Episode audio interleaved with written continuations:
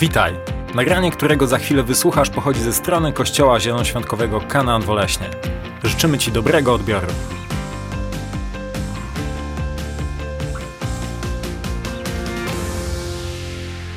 Kochani, witam Was e, bardzo, ale to bardzo serdecznie. Mam nadzieję, że był to dla Was e, dobry czas uwielbienia. Czasami zastanawiamy się, e, o co chodzi w tym czasie uwielbienia.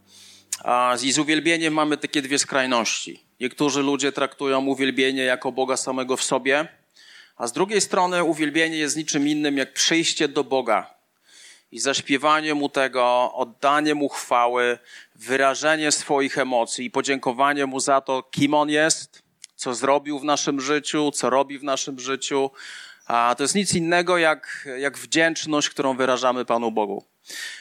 Mam nadzieję, że to był dobry czas dla ciebie, że mogłeś doświadczyć czegoś fajnego z Panem Bogiem, bo Biblia mówi o tym, że Bóg mieszka w chwałach swego ludu. Tam, gdzie Bóg jest uwielbiany, tam możemy być świadomi, możemy odczuwać bardzo mocno Jego obecność. Kochani, dzisiaj e, kontynuujemy serię Sprawdzam. Mówiliśmy sobie o tym, że ten czas koronawirusa był takim czasem, kiedy nasze życie było poddane jakiejś presji rozmawiałem z takim moim znajomym w tym tygodniu i, i powiedział mi taką fajną ilustrację. Mówi, wiesz, jak bierzesz jakieś nową, nowe narzędzie, jakiś nowy element, na przykład do samochodu, aby, aby, aby, bo on jest nowy i, i chcesz go wypróbować, chcesz go przetestować, to poddajesz go olbrzymiej presji.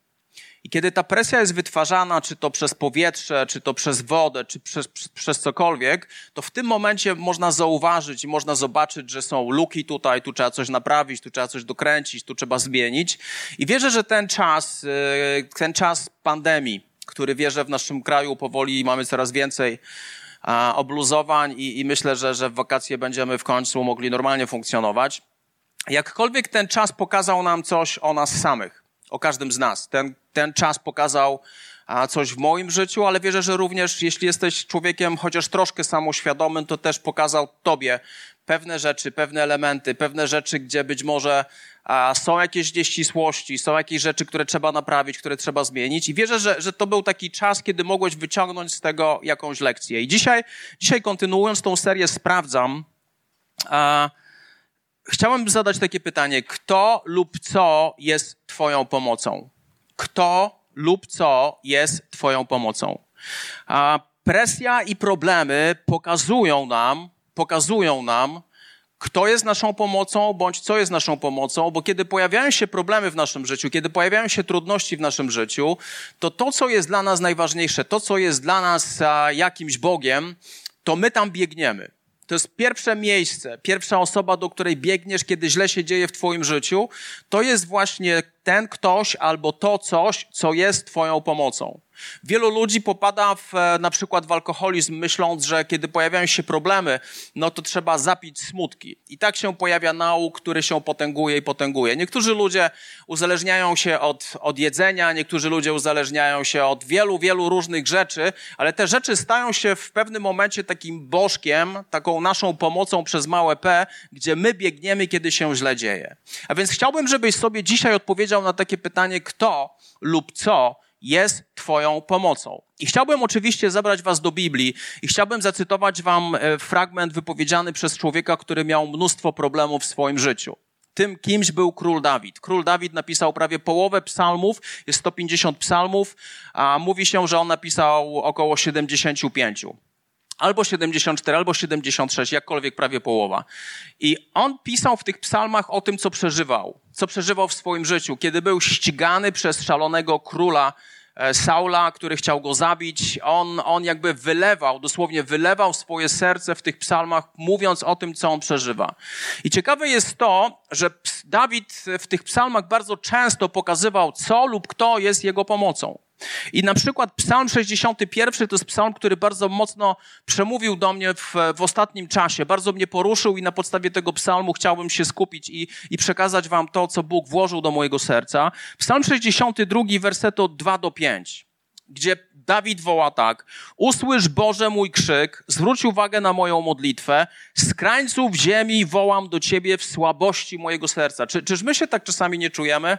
Czyż my się tak czasami nie czujemy? Wołamy do Boga, zwróć uwagę na moją modlitwę, wołam do Ciebie słabości mojego serca.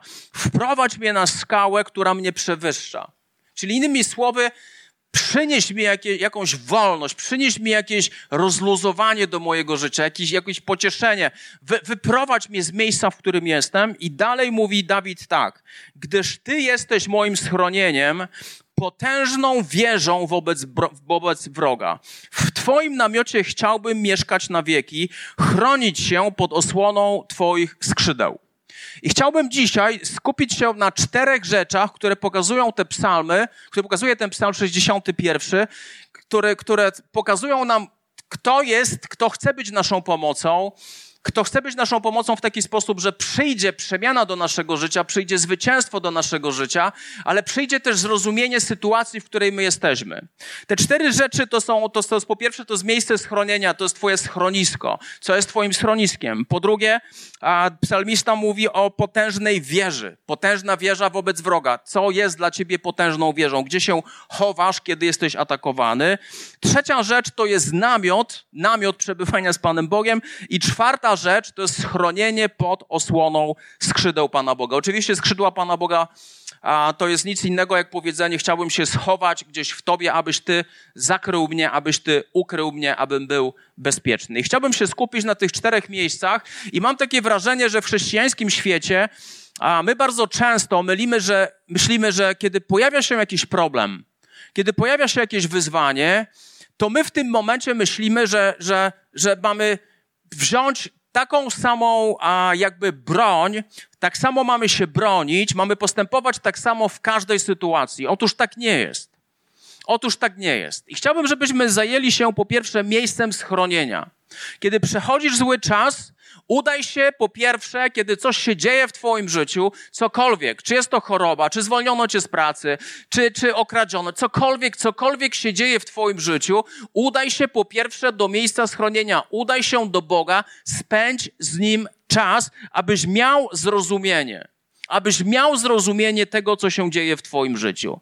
Ja widzę, ja widzę, że źródła naszych problemów, źródła wszystkich takich rzeczy trudnych w naszym życiu to tych źródeł ja widzę cztery bądź pięć. Wymienię wam cztery bądź pięć. Po pierwsze, po pierwsze, źródło naszych problemów jest takie, że my żyjemy w upadłym świecie. Żyjesz w świecie, który jest pełen grzechu, który jest pełen nieprawości, który jest pełen złych rzeczy. Nie żyjesz w świecie, gdzie jest tylko miłość, ale żyjesz w świecie, gdzie jest również nienawiść. I Ewangelia Mateusza, 5 rozdział, wersety od 43 do 44, Biblia mówi tak. Wiecie, że powiedziano, masz kochać swojego bliźniego, a wroga mieć w nienawiści. Ja wam natomiast mówię, kochajcie waszych nieprzyjaciół i módlcie się za tych, którzy was prześladują. Popatrzcie na jedną rzecz. Chrystus zakładał, że w naszym życiu będą ludzie, którzy będą wyrządzać nam krzywdę że w naszym upadłym świecie będą żyć ludzie, którzy będą wyrządzać nam krzywdę. I Chrystus pokazuje nam, że jest, jeśli jest taka sytuacja w Twoim życiu, jeśli ktoś sprawia Ci problemy, jeśli, jeśli jest jakaś osoba, która sprawia Ci problemy, która jest trudna dla Ciebie, która wywiera presję w Twoim życiu, Chrystus pokazuje jedną rzecz. Módl się o swoich wrogów. Chrystus nie neguje, nie miej wrogów, nie, nie nazywaj nikogo wrogiem. Nie, Chrystus mówi, Bądź tym, który modli się o swoich wrogów. Bądź tym, który błogosławi swoich wrogów, kiedy widzisz, że ten upadły świat i my, jako upadli ludzie w tym świecie, wyrządzamy sobie krzywdę, a ja widzę, że to jest pierwsze źródło problemu w naszym życiu, że my krzywdzimy siebie nawzajem. Nie neguj, że ten ktoś jest wrogo do ciebie nastawiony, ale twoja postawa powinna być taka, że powinieneś modlić się o tych, modlić się o tych, którzy są twoimi wrogami. Drugie, drugie źródło problemu w naszym życiu, i tutaj potrzeba troszkę samorefleksji, ale drugie źródło problemu w naszym życiu i trudności jest następujące. To są nasze fatalne decyzje. To są nasze złe decyzje. Przy powieści Salomona, pierwszy rozdział, werset 24, a Salomon mówi tak. Lecz ponieważ wołałam, jest mowa o mądrości, spersonifikowanej mądrości, ponieważ wołałam, a nie chcieliście słuchać, wyciągałam ręce, ale nikt nie zważał. Przeciwnie, porzuciliście wszystkie moje rady, nie zechcieliście przyjąć ostrzeżenia, dlatego ja śmiać się będę z waszej klęski. Wyszydzę, gdy ogarnie was strach, gdy zagłada dopadnie was jak burza, gdy nadciągnie klęska jak wichura, gdy dosięgnie was udręka i strapienie. Wtedy będą mnie wzywać, lecz im nie odpowiem. Poszukiwać, ale mnie nie znajdą. Odrzucili bowiem poznanie, niczym dla nich była bojaźń Pana, nie pragnęli słuchać mojej rady, pogardzili każdym ostrzeżeniem, dlatego będą jedli owoce swych zabiegów i nasycą się własnymi wymysłami. To jest mocna rzecz, o której mówi tutaj Salomon. Personifikuje mądrość, że mądrość wołała do ludzi, mądrość była dostępna dla ludzi, do ludzi i mogli, mogli wołać i pytać o radę, a mądrość by im odpowiedziała. A list Jakuba mówi o takiej rzeczy. Jeśli komuś z was brak mądrości, niech prosi do Boga, a Bóg mu da bez wypominania. Jeśli brakuje nam mądrości, my w naszym życiu często podejmujemy decyzje, które w ogóle nie były skonsultowane na przykład z Panem Bogiem. To jest dosyć ciekawa rzecz. Ludzie podejmują decyzje, nie pytając wcześniej Boga, co On o tym myśli, później pojawiają się problemy i wtedy zadajemy Panu Bogu pytanie, Boże, gdzie jesteś? I Bóg mówi do nas, jestem w tym samym miejscu, kiedy ty podejmowałeś decyzję, ale nie pytałeś mnie w ogóle o zdanie. Drugim powodem naszych problemów, drugim powodem naszych różnych trudności to jest to, że podejmujemy fatalne decyzje, podejmujemy złe decyzje, bierzemy kredyty nie pytając Pana Boga, robimy pewne rzeczy nie pytając Pana Boga, zawieramy związki małżeńskie nie pytając Pana Boga, przeprowadzamy się gdzieś, gdzie, gdzie Bóg nie chce, żebyśmy byli, przeprowadzamy się tam, później tam mamy problemy, nie pytamy się Pana Boga. Gdzie jest, kochani, gdzie jest mądrość, do której wołasz, kiedy przechodzisz przez problemy? Widzisz, kiedy, kiedy w Twoim życiu dzieje się źle, kiedy ludzie Cię atakują, twoją, twoją podstawową rzeczą jest to, aby Twoje serce było czyste, abyś modlił się o ludzi, którzy są Twoimi wrogami. Kiedy podejmujesz fałszywe, złe decyzje, fatalne decyzje i wiesz, że popełniłeś złą decyzję, jest dla Ciebie dobra wiadomość. Możesz przyjść do schronienia, którym jest Bóg Możesz przyjść i prosić go, powiedzieć: Panie, popełniłem błąd, podjąłem fatalną decyzję i modlę się do ciebie, abyś pomógł mi. Pomógł mi teraz wyjść z tej sytuacji, abyś pomógł mi wywiązać się z tego, co obiecałem, i tak dalej, i tak dalej. Bóg jest Bogiem, który chce rozwiązywać nawet fatalne decyzje w Twoim życiu, ale musisz przyjść do Niego. Trzecie źródło naszych problemów naszych trudności i wyzwań, to jest moment, kiedy, kiedy, kiedy oddałeś swoje życie Jezusowi Chrystusowi, kiedy jesteś Jego dzieckiem, kiedy należysz do Niego, jesteś Jego synem bądź córką, Bóg po prostu cię wychowuje. List do Hebrajczyków, 12 rozdział, wersety od 5 do 8. Nie zapominajcie o wezwaniu, które Bóg skierował do was jako do swoich dzieci. O wezwaniu, które Bóg skierował jako do swoich dzieci. Moje dziecko, gdy Pan wymierza ci karę, nie lekceważ tego. A gdy zwraca ci uwagę na grzech, nie załamuj się. Pan bowiem karze wszystkich, których kocha i dyscyplinuje tych, którzy, których uważa za swoje dzieci. Bądźcie cierpliwi, gdy Bóg wymierza wam karę, znaczy to bowiem, że postępuje z wami jak ze swoimi dziećmi. Czy istnieje dziecko, które jeszcze nigdy nie było ukarane przez swojego ojca, jeśli nigdy nie byliście karani przez Boga, a przecież dyscyplinuje on wszystkich wierzących, to znaczy, że nie jesteście jego prawdziwymi dziećmi. To jest ciekawa, ciekawa ciekawy fragment, który mówi nam o tym, że Bóg dyscyplinuje, Bóg wychowuje swoje dzieci. I czasami, kiedy my żyjemy w takim pośpiechu, zapominamy o Panu Bogu, oddalamy się od Niego, tracimy relację z Nim, tracimy relację z Jego Słowem, to w tym momencie, w tym momencie Bóg, Bóg zaczyna nas dyscyplinować, Bóg zaczyna mówić do nas przez okoliczności.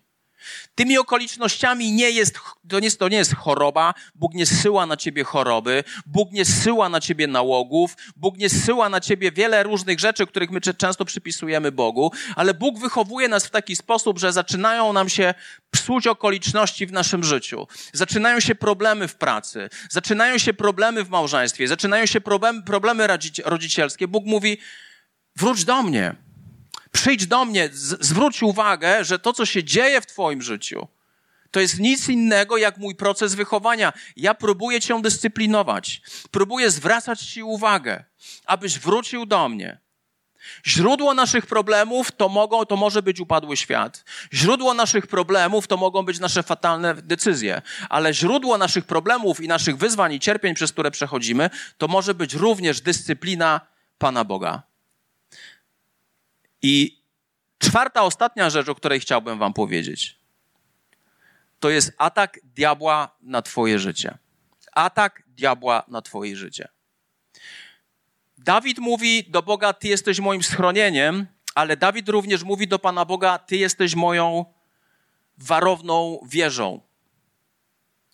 Jest czas w Twoim życiu, kiedy popełniasz błędy, kiedy ludzie Cię atakują, kiedy Bóg Cię dyscyplinuje. To nie jest czas, abyś walczył. To jest czas, abyś się poddał. To jest czas, abyś się poddał, abyś się poddał Bogu, jeśli podjąłeś fatalne decyzje, jeśli ludzie cię atakują, jeśli, jeśli Bóg cię dyscyplinuje, to jest czas, abyś spędził z nim czas, abyś pojednał się z nim i szukał w nim wsparcia, pokutował przed nim. Natomiast bardzo często jest tak, że jesteśmy atakowani przez diabła. To, co jest w arsenale diabła względem nas, to jest nic innego, jak to, że my czujemy się okradani, czujemy się a, jak, jako, jako ci, jakby nas próbowano zabijać, czujemy, jak spadają na nas różnego rodzaju choroby, często nieuleczalne choroby. Czujemy, jakby działo się coś, jakbyśmy mieli świadomość, jakby ktoś się przyczepił do nas i okradał nas ze wszystkiego. Naturą diabła jest zarzynać, wytracać i okradać zarzynać, wytracać i okradać. Kiedy diabeł cię atakuje, to właśnie tak się czujesz. Jakby ktoś chciał pozbawić cię życia, jakby ktoś chciał cię non-stop, ale to non-stop zadawać ci ból, ciemiężyć, jakby ktoś chciał cię okradać i tak dalej, i tak dalej.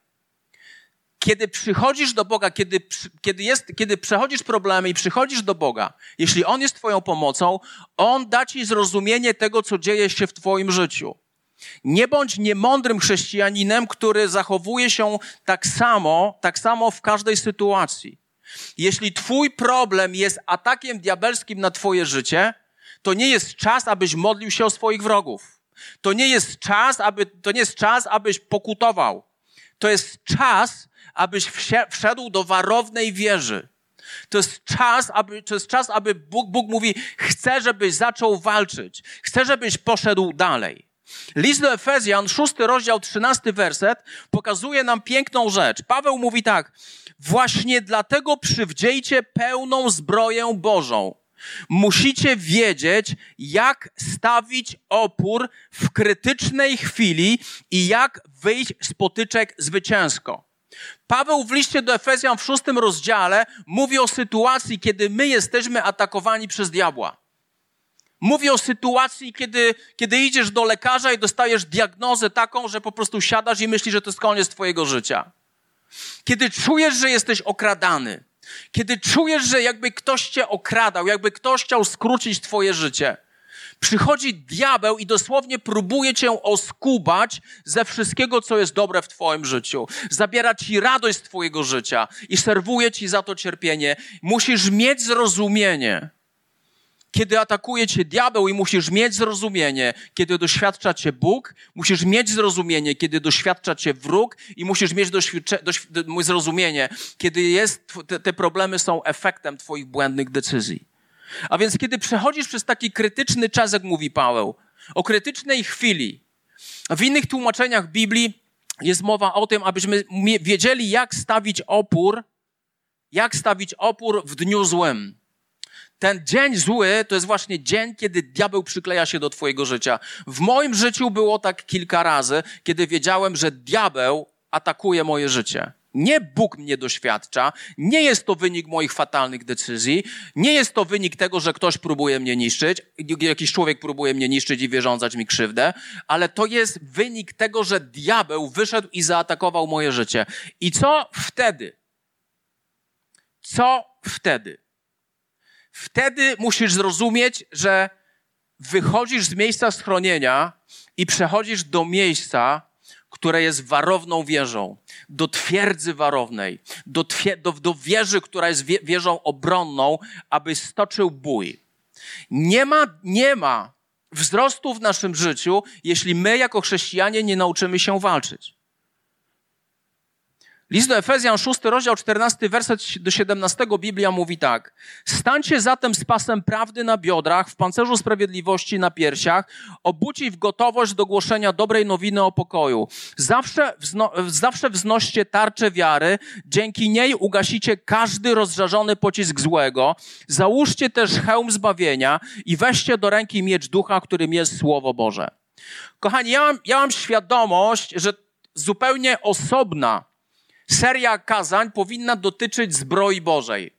Dlatego dotknę zbroi Bożej w bardzo krótki sposób, ale wierzę, że wycisnę z, każdej, z każdego elementu zbroi to, co jest kwintesencją każdej rzeczy. Po pierwsze, Biblia mówi nam o tym, że pierwszym elementem zbroi jest pas prawdy. Jest pas prawdy. Pas prawdy, pas, pas a w, żo- w, w, w ekwipunku żołnierza to był pas, który spajał całą zbroję. Ten pas spajał całą zbroję. On spinał całą zbroję i podtrzymywał wszystko. Pasem prawdy Pasem prawdy według Bożego Słowa jest po pierwsze, jest znajomość Jezusa Chrystusa. Jezus Chrystus jest, musi być Panem Twojego życia, abyś mógł znosić bitwy w zwycięski sposób. Jeśli Jezus nie jest Panem Twojego życia, jeśli jeszcze nigdy nie poddałeś Mu swojego życia, to w potyczce z diabłem nie masz żadnych szans. Jesteś przegrany. Ale jeśli Jezus jest Panem Twojego życia, jeśli On jest prawdą w Twoim życiu, to jesteś skazany na zwycięstwo. Pierwsza rzecz to jest prawda, prawda, którą jest Jezus. A druga prawda to jest to, że prawdą jest Boże Słowo. Cała bitwa, zwycięska bitwa odbywa się w naszym życiu, jeśli, jest, jeśli jesteśmy wyposażeni w to, że Jezus jest naszym Panem, Jezus jest prawdą w naszym życiu i żyjemy w oparciu, i żyjemy w oparciu o to, co mówi Boże Słowo, które jest prawdą. Drugi ekwip, druga część zbroi to jest pancerz sprawiedliwości. Biblia mówi nam o tym, że jesteśmy sprawiedliwi w Chrystusie. Każdy, kto przychodzi do Chrystusa, przestaje być wrogiem Pana Boga, ale staje się kimś, kto jest Jego dzieckiem, kto jest Jego synem i jest w pełni akceptowany przez Niego. W pełni akceptowany przez Niego i otrzymuje pancerz sprawiedliwości, że Bóg nie jest już przeciwko Tobie wrogiem, ponieważ Ty pojednałeś się z Chrystusem, ty prosiłeś Boga o przebaczenie, a On stał się Panem w Twoim życiu. Pancerz sprawiedliwości to jest nic innego jak Twoja tożsamość, którą masz w Chrystusie. A tożsamość, którą masz w Chrystusie jest piękna, że jesteś Jego synem, że jesteś Jego własnością, że jesteś Jego przyjacielem, że zły nic nie może Cię uczynić, że, że należysz do Boga, że zostałeś wykupiony przez drogą krwią, krew Jezusa Chrystusa, że należysz do Niego i nikt nie jest w stanie Cię wyrywać z Jego ręki. To jest, to jest Twój pancerz sprawiedliwości. Następnie Biblia mówi o tym, mówi o kolejnym ekwipunku w zbroi Bożej, to są buty Ewangelii. Buty Ewangelii. Buty Ewangelii. Ewangelię głosisz tylko wtedy, kiedy jesteś pojednany z Bogiem. Jeśli masz pokój z Bogiem. Twoja, element Twojej zbroi to jest to, że masz pokój z Bogiem, że nie ma między Tobą już żadnej napiętej sytuacji, nie ma między Tobą żadnej napiętej relacji. Chrystus przez swój krzyż pojednał Cię z Bogiem. Kiedy przychodzimy do Boga, Posłuchajcie, kiedy przychodzimy do Boga, w tym momencie jesteśmy pojednani z Nim. Mamy pokój z Bogiem. Jeśli Twoje życie nie należy do Chrystusa, to twoje, Twoja relacja z Bogiem jest napięta. Bóg nie jest Twoim Bogiem, Bóg nie jest Twoim przyjacielem, ale Bóg jest Bogiem, który cały czas nawołuje Cię do tego, abyś się z Nim pojednał. Czwarty element zbroi to jest tarcza wiary. Tarcza wiary, którą, gdzie Biblia mówi o tym, żebyśmy wznosili tarczę wiary, bo dzięki niej ugasimy każdy rozżarzony pocisk, pocisk złego. Pociski złego to jest nic innego jak kłamstwa wrzucane do naszego życia. Jesteś beznadziejny, już jest po tobie, twoja rodzina będzie zła, twoje małżeństwo nie ma sensu, w ogóle twoje życie nie ma sensu, ta choroba jest niewyleczalna, zobaczysz, nie ma żadnej przyszłości dla ciebie, inni się dobrze bawią, a ty jesteś beznadziejny. To są po prostu kłamstwa, które wrzuca diabeł. Tarcza wiary jest wygrawerowana Bożymi obietnicami, których jest tysiące w Bożym Słowie, które odnoszą się do Ciebie. To jest tarcza wiary. Przychodzi kłamstwo diabła i jeśli wiesz, co mówi prawda Bożego Słowa, to jesteś w stanie odrzucić każde kłamstwo. Nie wiem, czy masz świadomość, ale kiedy, kiedy mm, ludzie, którzy pracują w banku, oni są szkoleni, aby rozpoznawać fałszywe banknoty, to nie wiem, czy wiesz, jak to, jak, w jaki sposób oni są szkoleni. Nie daje im się 10 tysięcy fałszywych banknotów i jeden prawdziwy w tym, aby oni mogli go rozróżnić, ale robi się coś innego. Ci ludzie spędzają mnóstwo, ale to mnóstwo czasu zaznajamiając się i poznając tylko jeden banknot. Prawdziwy banknot. Moją i Twoją odpowiedzialnością jako chrześcijanina jest poznawanie prawdy Bożego Słowa. Jeśli ja znam prawdę Bożego Słowa, to będzie łatwo mi odrzucać, łatwo mi odrzucać wszystkie kłamstwa, które diabeł wrzuca do mnie.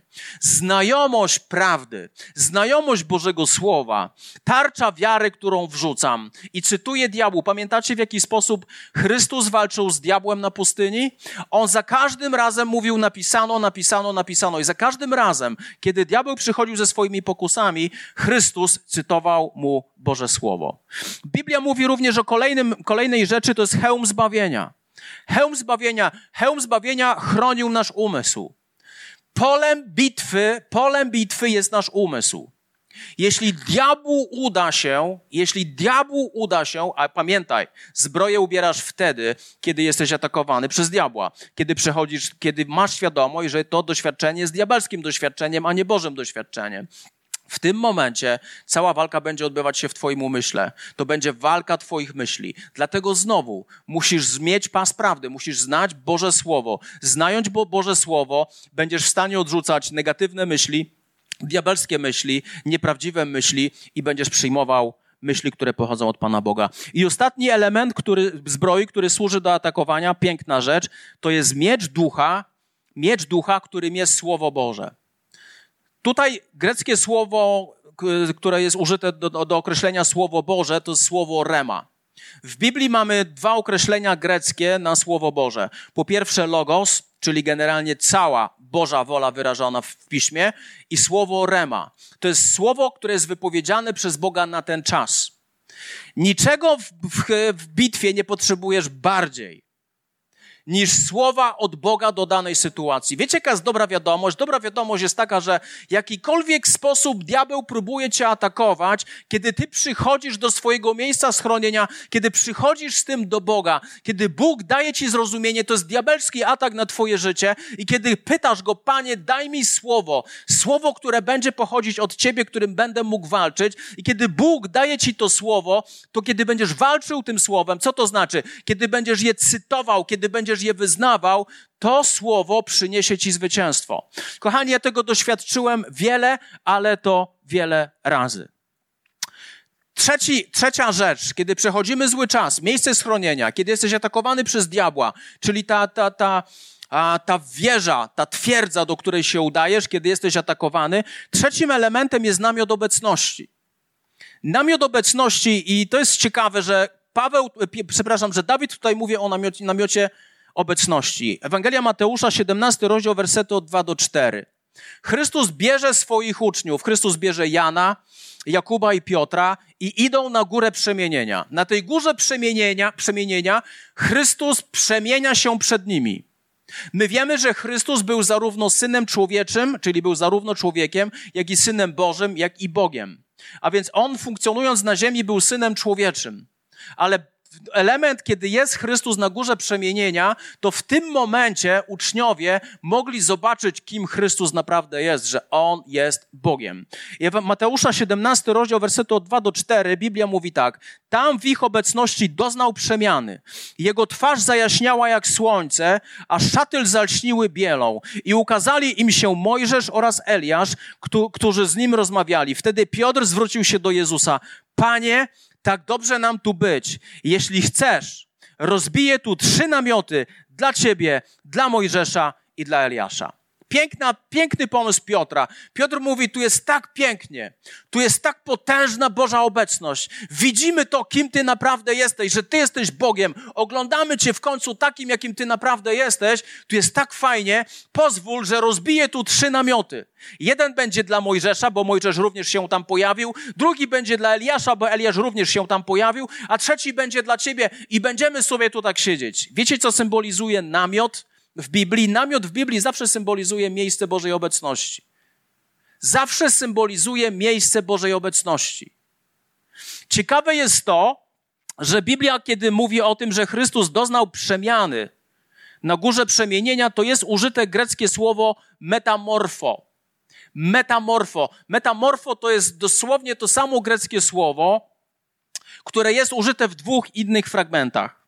List do Rzymian, 12 rozdział, drugi werset. Nie podporządkowujcie się już wzorcom tego wieku, niech was przeobraża nowy sposób myślenia, przeobraża, czyli metamorfo. Niech was metamorfo, nowy sposób myślenia, abyście potrafili rozpoznać, co jest wolą Bożą, co jest dobre, przyjemne i doskonałe.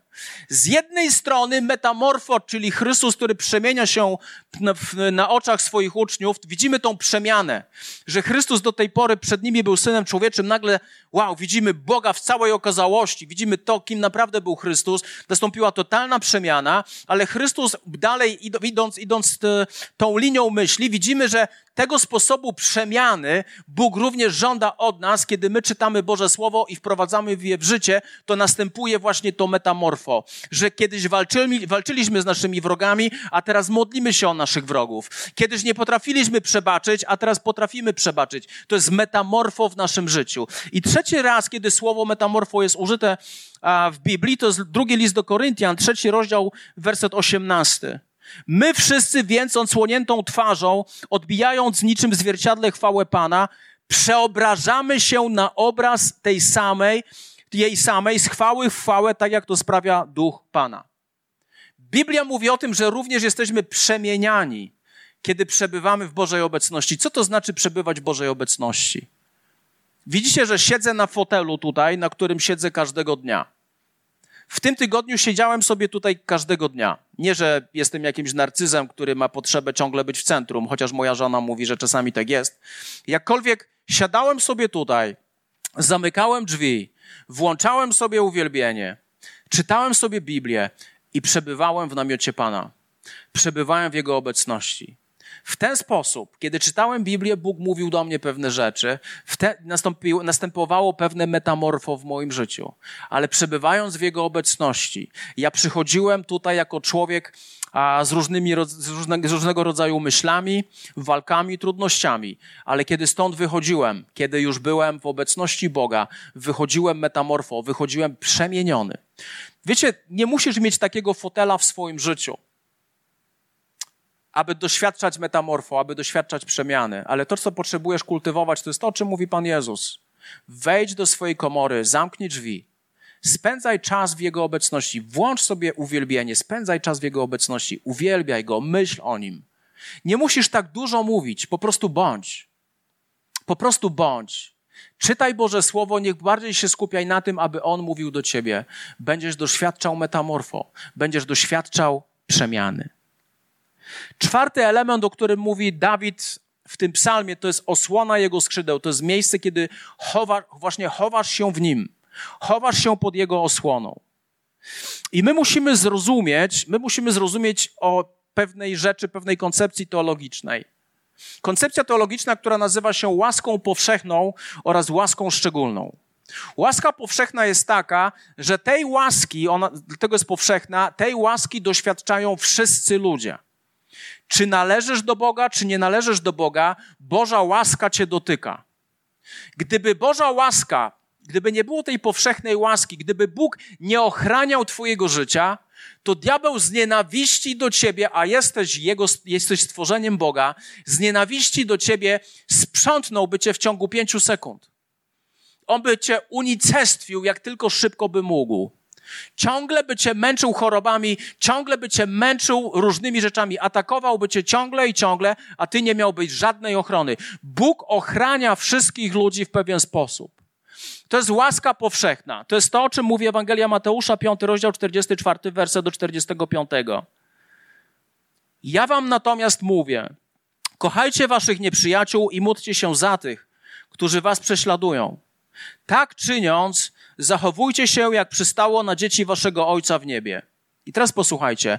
On sprawia, że słońce wschodzi nad złymi i dobrymi, a deszcz spada na sprawiedliwych i niesprawiedliwych. Innymi słowy, Chrystus mówi: Mój ojciec powoduje, że słońce wschodzi nad tymi, którzy są źli. Kto jest zły? Ten, który nie jest pojednany z Bogiem.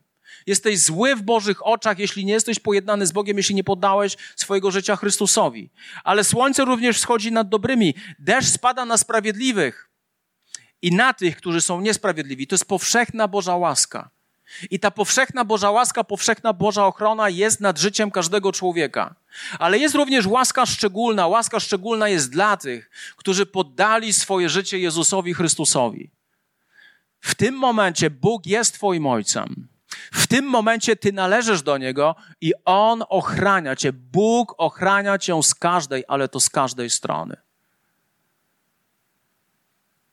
I teraz jest bardzo ważna rzecz.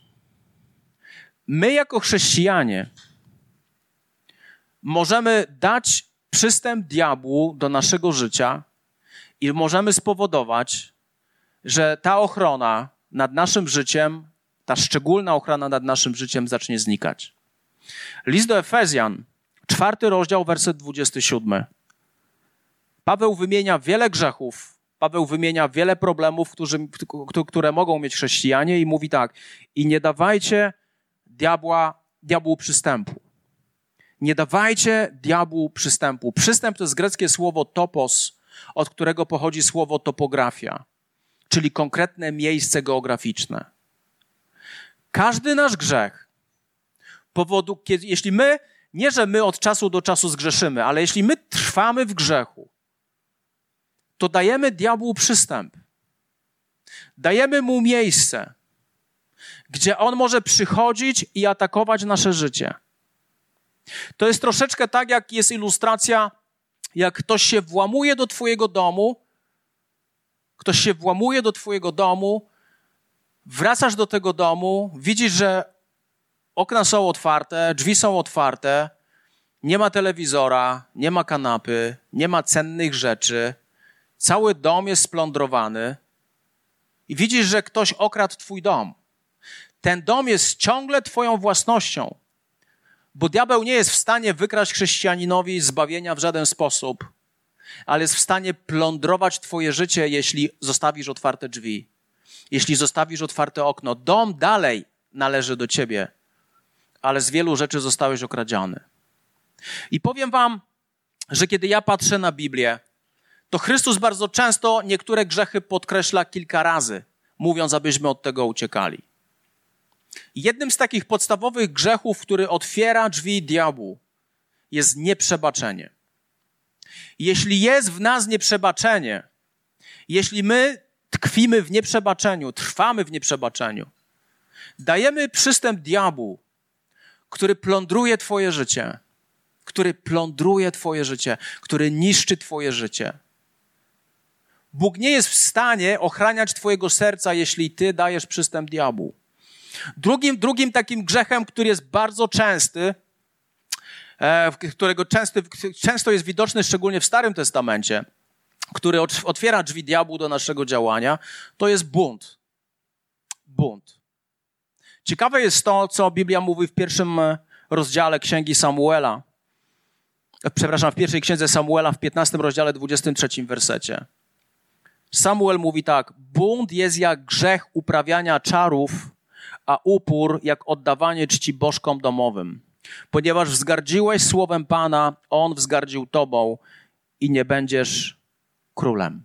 To są słowa, które Bóg wypowiedział do Saula, który się zbuntował przeciwko Bogu, który tkwił i trwał w buncie, który trwał w uporze, i to spowodowało, to, to jest ciekawe, że właśnie ten bunt, właśnie ten upór jest porównany do uprawiania czarów, jest porównany do bałwochwalstwa, czyli oddawania czci bożkom domowym, co pokazuje nam jedną rzecz. Oddawanie czci bożkom w Starym Testamencie oraz uprawianie czarów, czyli okultyzm, ściągał na człowieka potężne przekleństwo. Tak samo w życiu chrześcijanina wszelki bunt, wszelki upór, wszelkie nieprzebaczenie oraz tak de facto każde nasze trwanie w grzechu otwiera drzwi diabłu i minimalizuje ochronę nad ży naszym życiem. Będziesz widział taką jedną rzecz, będziesz ciągle doświadczał Boże, łaski powszechnej, ale nie będziesz doświadczał tej szczególnej łaski, która jest dostępna tylko dla ludzi, którzy poddali swoje życie Panu Bogu.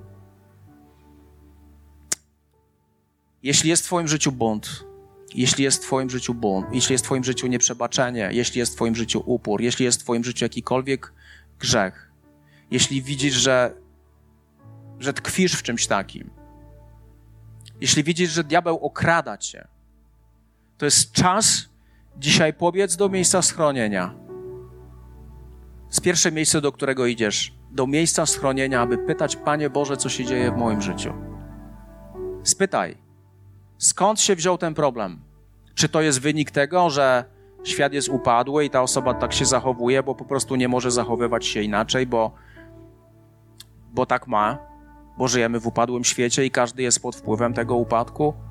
A może to jest wynik moich błędnych decyzji, Panie, może ja podjąłem złe, złe decyzje, Panie, przepraszam Cię za to i, i proszę Cię, abyś odwrócił bieg tych decyzji. Pomóż mi rozwiązać ten problem w jakiś właściwy dla Ciebie sposób.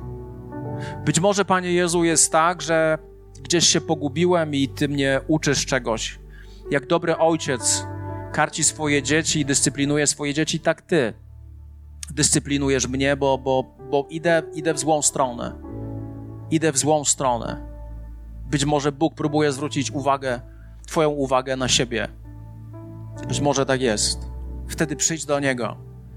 Przeproś Pana Boga i proś Go, proś Go, aby Bóg dał Ci zrozumienie. Pokutuj ze swoich grzechów, aby On dał Ci właściwe zrozumienie.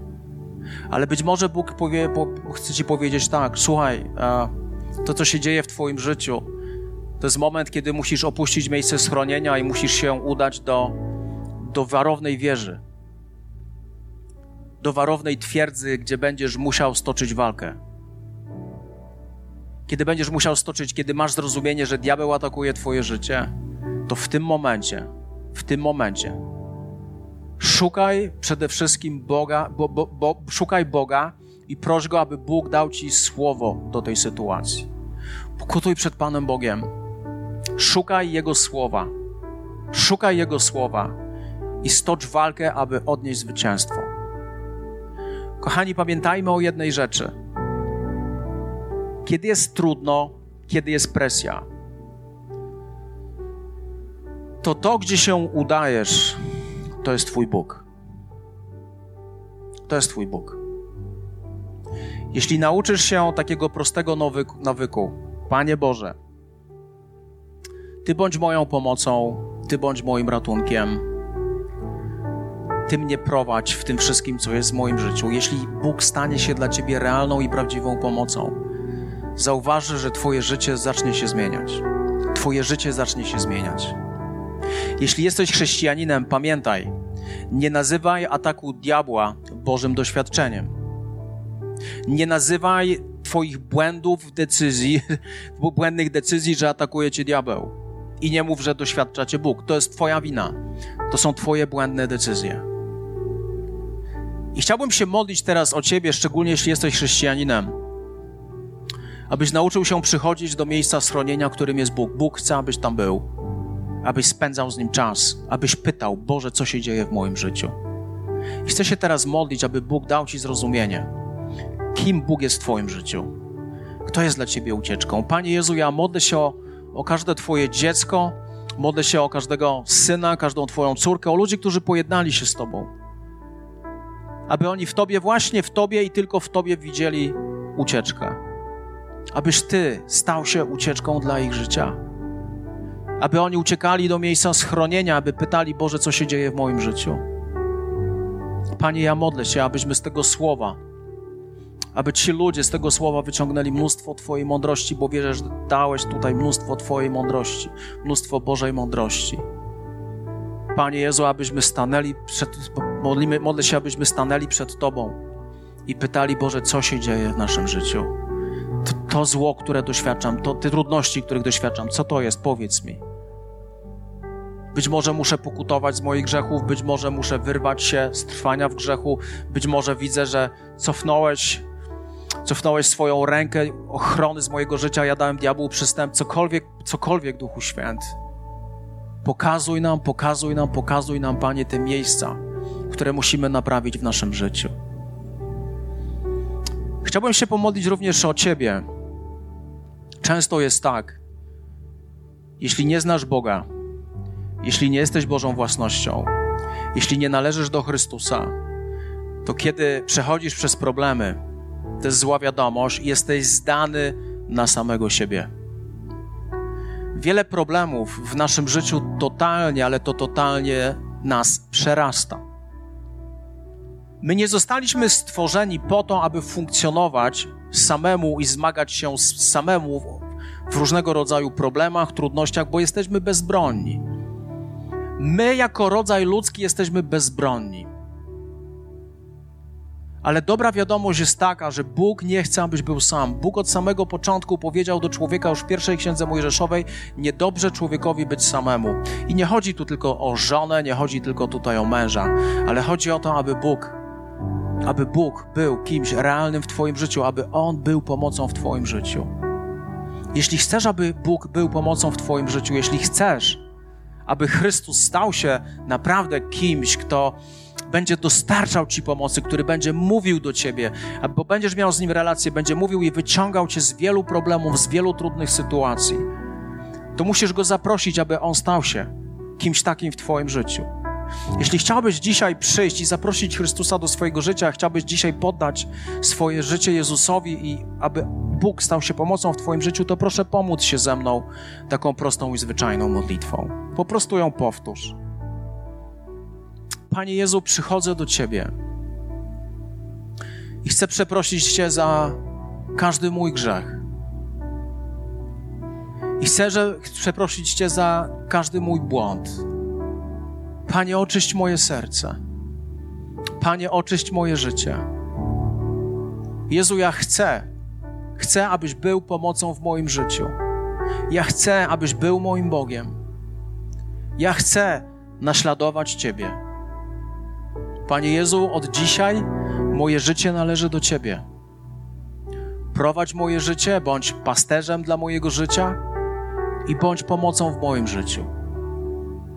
I wyznaję swoimi ustami, że od dzisiaj Jezus Chrystus jest moim Panem. Amen. Witaj ponownie. Dziękujemy za wysłuchanie tego nagrania i mamy nadzieję, że pomoże Ci ono zbliżyć się do Boga. Jeśli dziś podejmujesz decyzję o zaufaniu Jezusowi i uznaniu Go Twoim Zbawicielem, to chcemy Ci pogratulować.